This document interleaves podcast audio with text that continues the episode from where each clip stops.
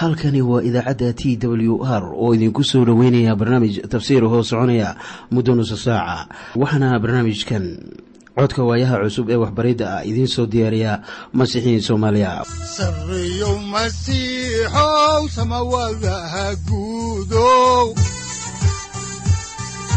Siraadkii adduunkow subanaha eebow sareyow masiixow samawadaha guudow siraadkii adduunkow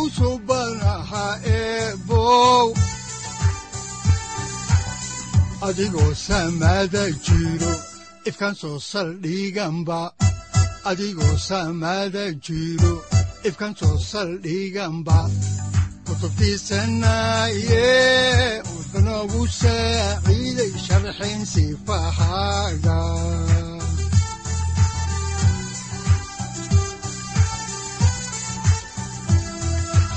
kutubtiisinayo ebanagu saaciid sharxin sifahaaga ku soo dhowaada dhegaystayaal barnaamijkeenna dhammaantiinba waxaan horay u sii ambaqaadi doonnaa daraasaadkii la magac baxay baibalka dhammaantii. Waxaannu caawa idiin sii wadi doonnaa barashada kitaabka falimaha rasuullada. Kitaabka falimaha rasuullada waa kitaab taariikhi ah oo ay tahay in qof waliba wax uu ka barto si uu ku garto taariikhda kitaabka axdiga cusub. Waxaanan caawa idiin sii wadi doonnaa cutubka shan iyo tobanaad ee falimaha rasuullada oo aynu uga gudbi doonno kan lix iyo tobanaad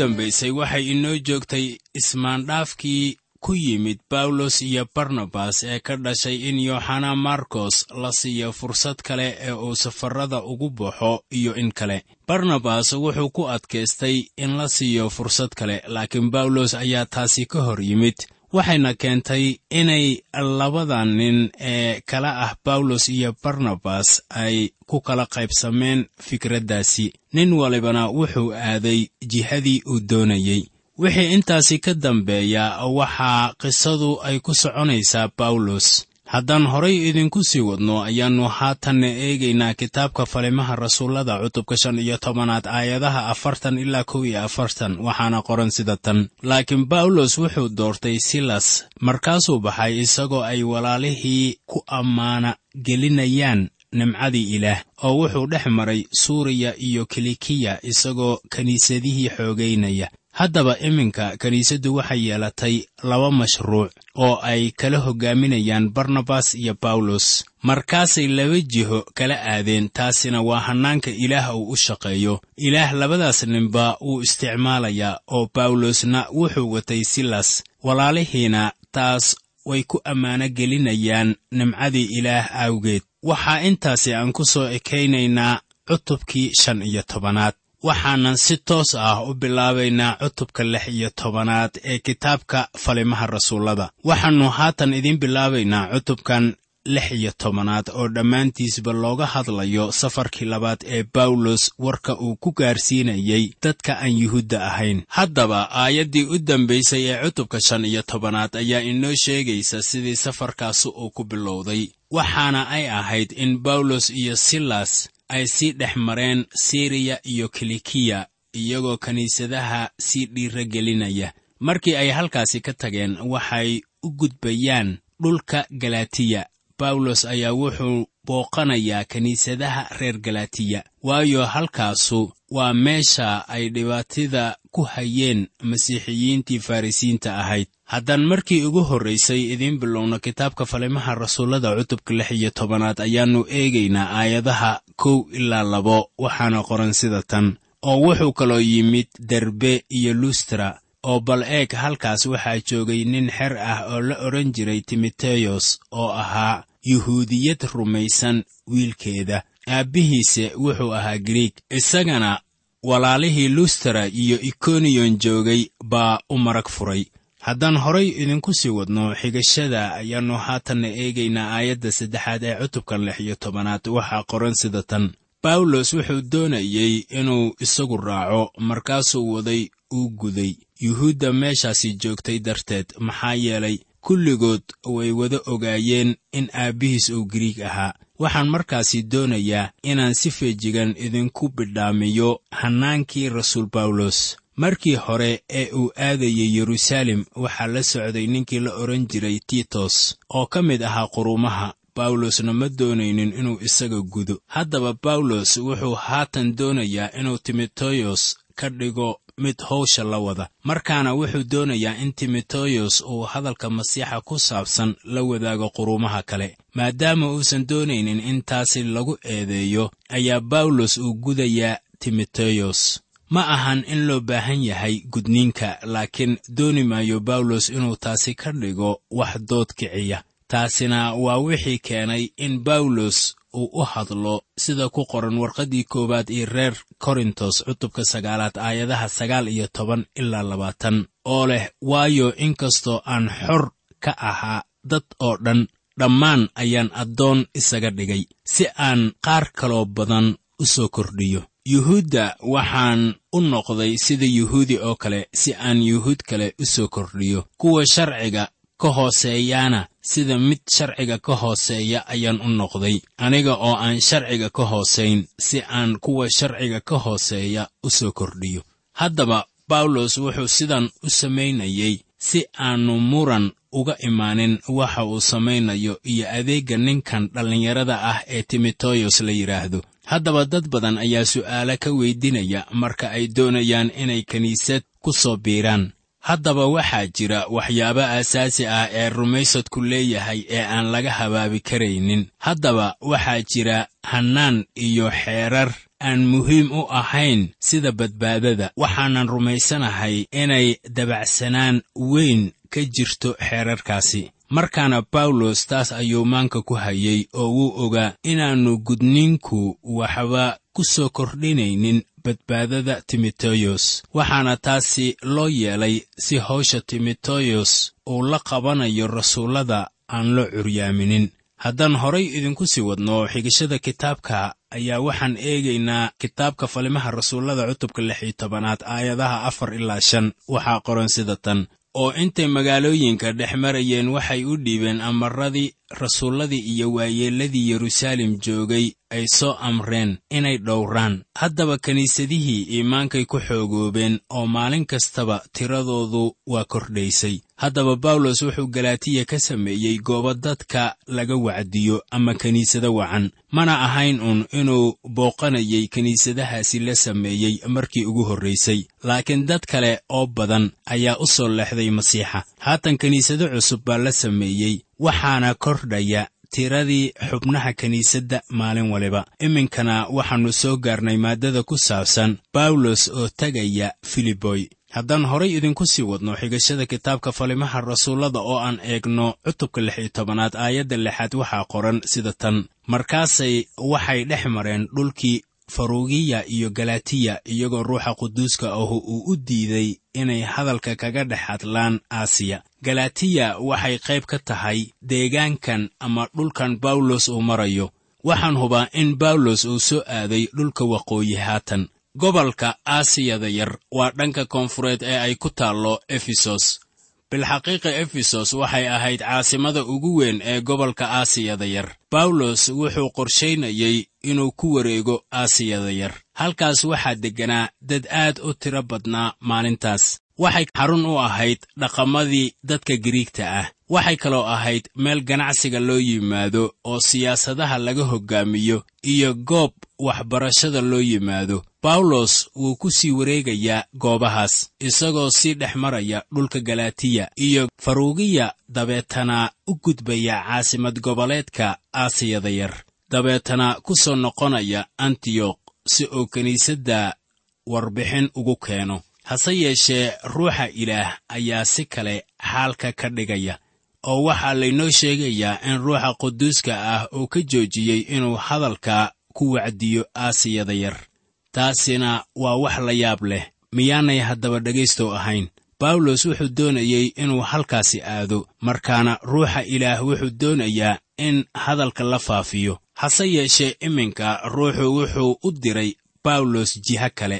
Bawlos wuxuu markaasi dareemay haddaannu dhanka koonfureed aadi karin inuu u kicitimo dhanka waqooyi. Bituniya waxay ku taallaa dhanka waqooyi ee badda madow. Waxaana halkaasi degganaa dad fara badan oo ay ka mid ahaayeen yuhuud aan xisaab lahayn dhulkaasu wuxuu qayb ka yahay iminka waddanka turkiya. Haddaan horay idinku sii wadno xigashada kitaabka oo aan eegno cutubka lix iyo tobanaad aayadda toddobaad waxaa qoran sida tan. Oo markay muusiya u dhowaadeen waxay isku dayeen inay bituniya galaan laakiin ruuxa ciise uma oggolaan. Ruuxu wuxuu u hoggaamiyey gobollada koonfureed ee aasiyada yar waxaase loo diiday inay galaan dhanka waqooyi ee bituniya wuxuu ka yimid dhanka bari.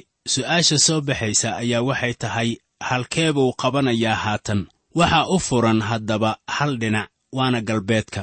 Waxaana ruuxa ilaah uu leeyahay bawlosow dhanka galbeed u kac. Bawlosna wuxuu u socdaalay dhanka galbeed ilaa uu ka soo gaaro tro'as.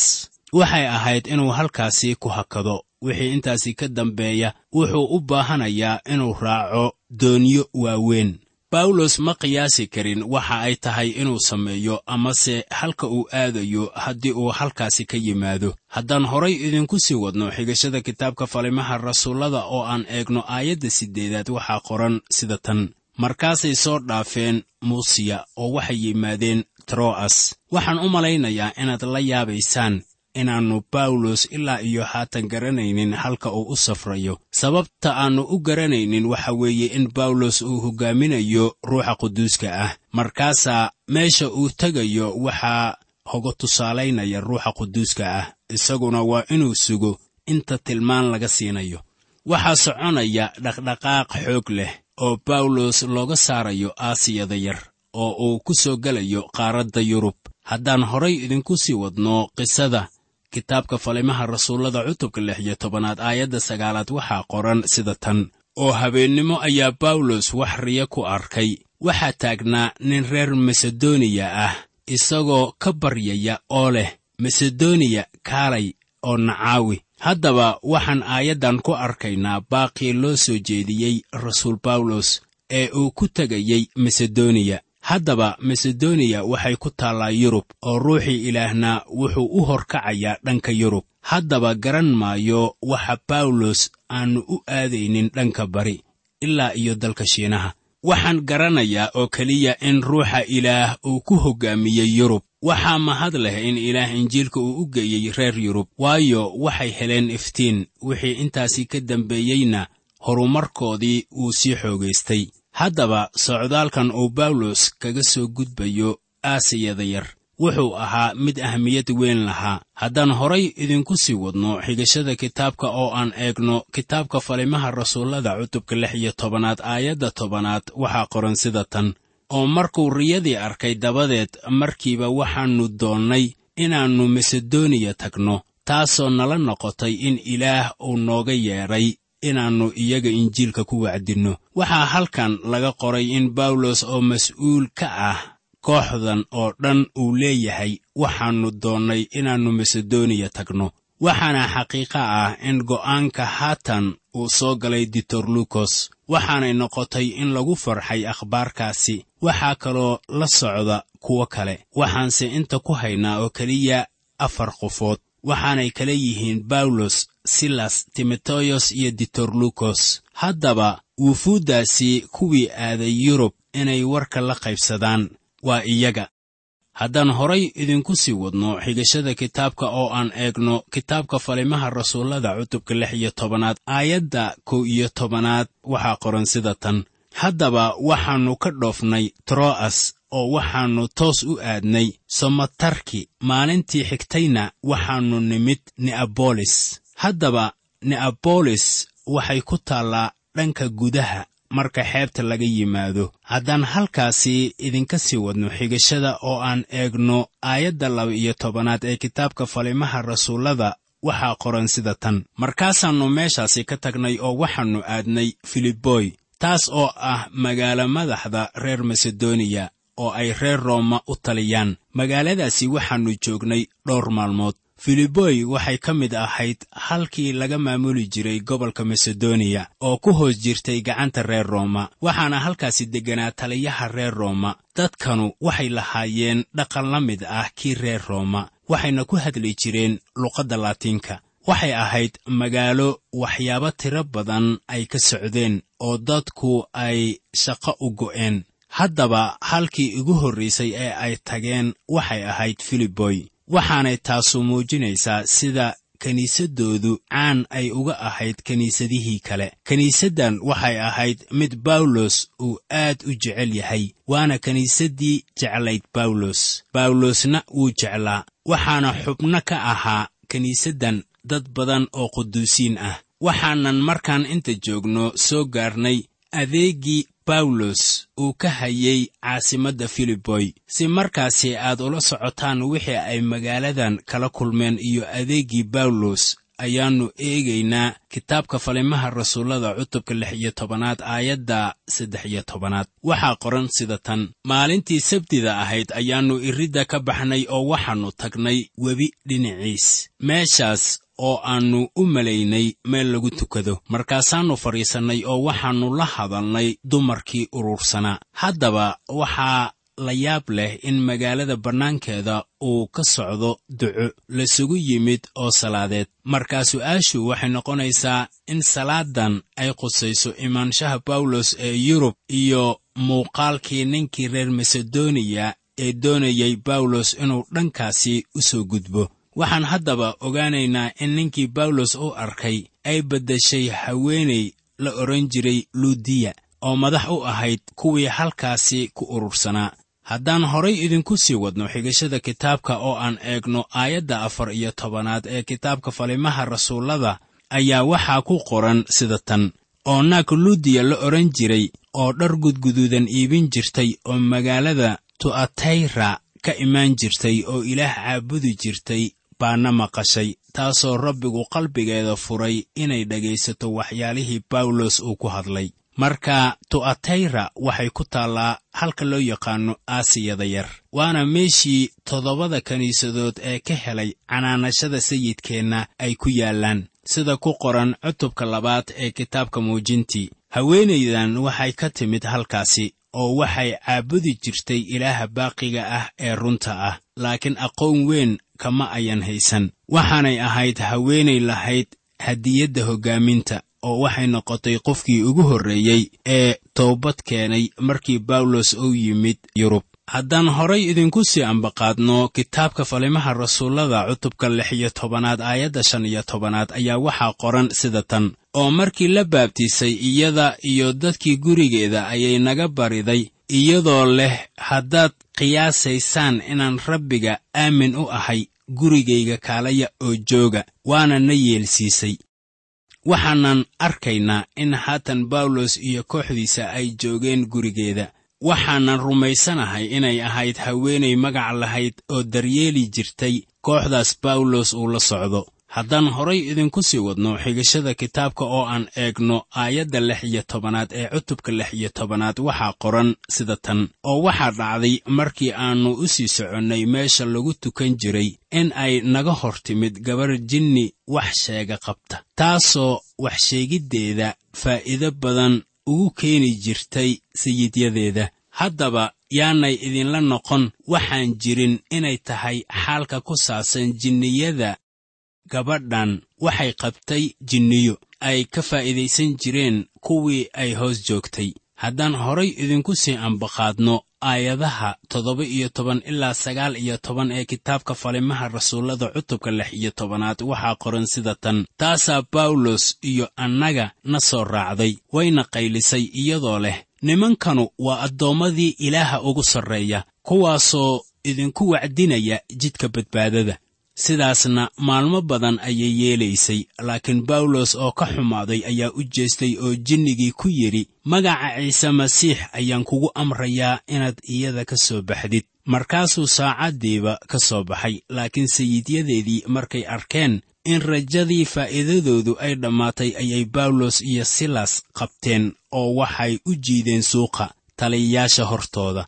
Wixii bawlos uu sameeyey ayaa hor joogsatay faa'iidadii ay helayeen sayidyadeeda. Waa gabadhii jinniga qabtaye markaasaa sayidyadii caradooda ay ku jeediyeen bawlos iyo kooxdiisa. Haddaan horay idinku sii wadno kitaabka falimaha rasuullada cutubka lix iyo tobanaad aayadaha labaatan ilaa kow iyo labaatan waxaa qoran sida tan. Oo markay xaakinnadana u keeneen waxay yidhaahdeen nimankanu iyagoo yuhuud ah ayay si weyn magaalada u dhibayaan oo waxayna barayaan caadooyin aan noo xalaal ahayn inaannu aqbalno oon yeelno annagoo reer rooma ah waxaad haddaba garanaysaa in filiboy ka mid ahayd dhulkii reer rooma oo waxay ka qayb qaadan jireen asnaam caabudkii reer rooma. Bawlos iyo kooxdiisana waxaa lagu eedeeyey inay qaswadayaal yihiin waxaana doodda keenay nimankan dakhligooda lumiyey ama laga lumiyey markii gabadha jinniga laga saaray. Haddaan horay idinku sii wadno qisada ku saabsan socdaalkii bawlos uu ku marayey dalka yurub ee uu warka ku gaarsiinayey ayaannu eegaynaa cutubka lix iyo tobanaad aayadaha laba iyo labaatan ilaa toddoba iyo labaatan. Waxaana qoran sida tan markaasaa dadkii badnaa ay ku wada kaceen oo xaakinnadiina dharkoodiibay ka jeexjeexeen waxayna ku amreen in la uleeyo oo markay ula badan ku dhufteen ayay xabsiga ku rideen iyagoo ku amray xabsihayihii inuu aad u ilaaliyo isaguna markuu amar ceenkaas ah helay wuxuu iyagii ku riday xabsigii ugu hooseeyey. Cagahoodana qori buu aad ugu xidhay laakiin abbaaraha habeenbarka bawlos iyo silas ayaa tukanayey oo ilaah gabay ku ammaanayey maxaabiistuna way dhegaysanayeen oo filan la'aan waxaa dhacay dhulgiriir weyn. Sidaas darteed aasaaskii xabsigu waa ruxmay oo markiiba albaabadii oo dhammu waa wada furmeen mid walba silsilladihiisii waa ka furmeen. Xabsihayihiina markuu hurdada ka toosay u arkay albaabadii xabsiga oo wada furmay ayuu seeftiisii la baxay uu ku dhowaaday inuu isdilo maxaa yeelay wuxuu u malaynayey maxaabiistii inay baxsatay.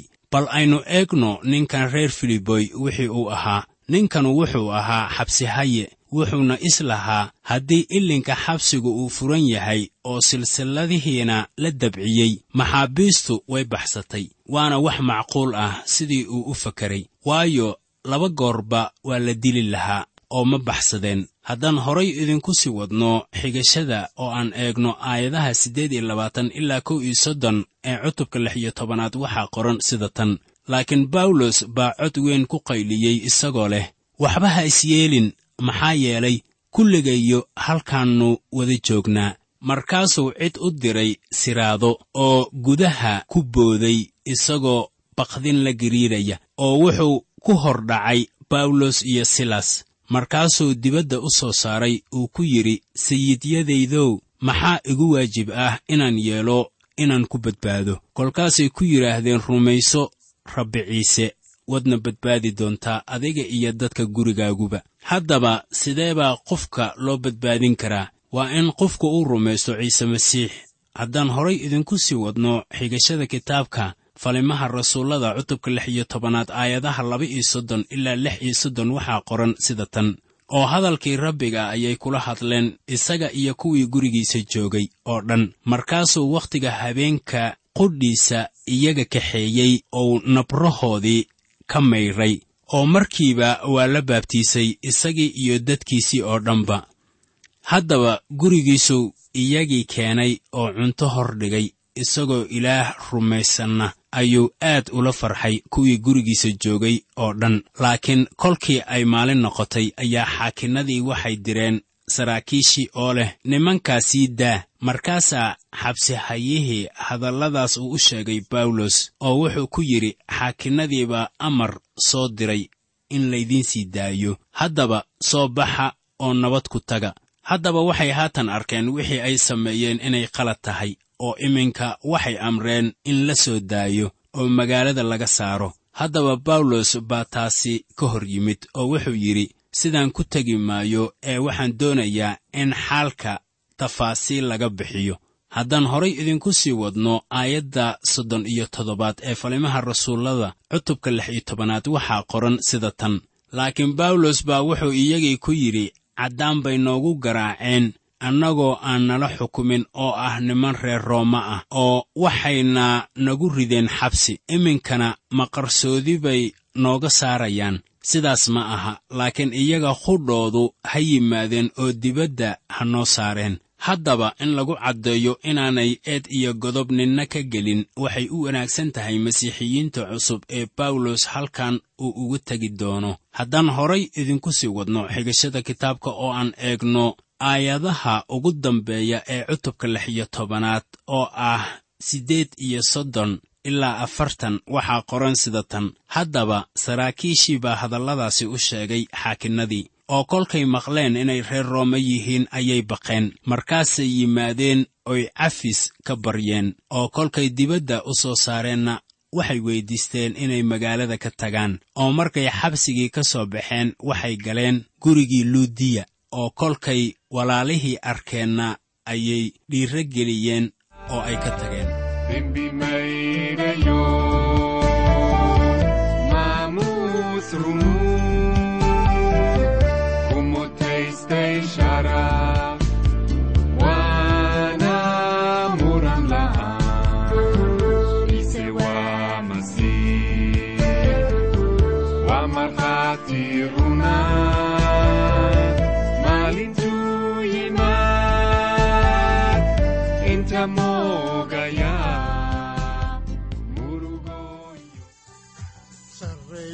masiixow samawadaha guudow siraadkii adduunkow subanaha eebow adigoo samada jiro ifkan soo saldhiganba adigoo samada jiro ifkan soo saldhiganba kutubtiisanaye halkani waa t w r idaacadda t w r oo idinku leh ilaa ha idin barakeeyo oo ha idinku anfaco wixii aad caawi ka maqasheen barnaamijka. Waxaa barnaamijkan oo kalea aad ka maqli doontaan habeen dambe. Hadahan oo kale haddiise aad doonaysaan in aad fikirkiina ka dhiibataan wixii aad caawi maqasheen ayaad nagala soo xiriiri kartaan som t w r at t w r c o k e haddii aad doonaysaan in aad dejiisataan oo kaydsataan barnaamijka ama aad mar kale dhegaysataan fadlan mar kale booqo www t w r o r g amase www t t b t w r o r g amase waxaad teleefoonkaaga ku kaydsataa ama ku download garaysataa agabyada ku sahli karaa dhegeysiga t w r haddii aad doonayso in laga kaalmeeyo dhinacyada fahamka kitaabka amase aad u baahan tahay duco fadlan fariimahaaga soo mari bogga aaraahda ama kommentska inana jawaab degdeg ah ayaanu ku soo diri doonaa amase ku siin doonaaye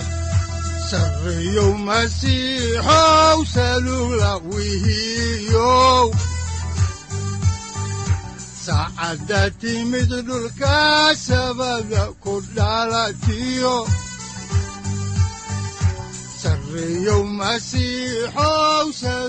halkani waa t w r oo idiin rajaynaya habeen baraare iyo barwaaqaba leh. Inta aynu ka gaari doono wakhti aynu ku kulanno barnaamij la mida kan caawayay aad maqasheen. Waxa aan idinku leeyahay nabadda ciise masiix ha idinku badato xagga jidhka iyo ruuxaba. Aamiin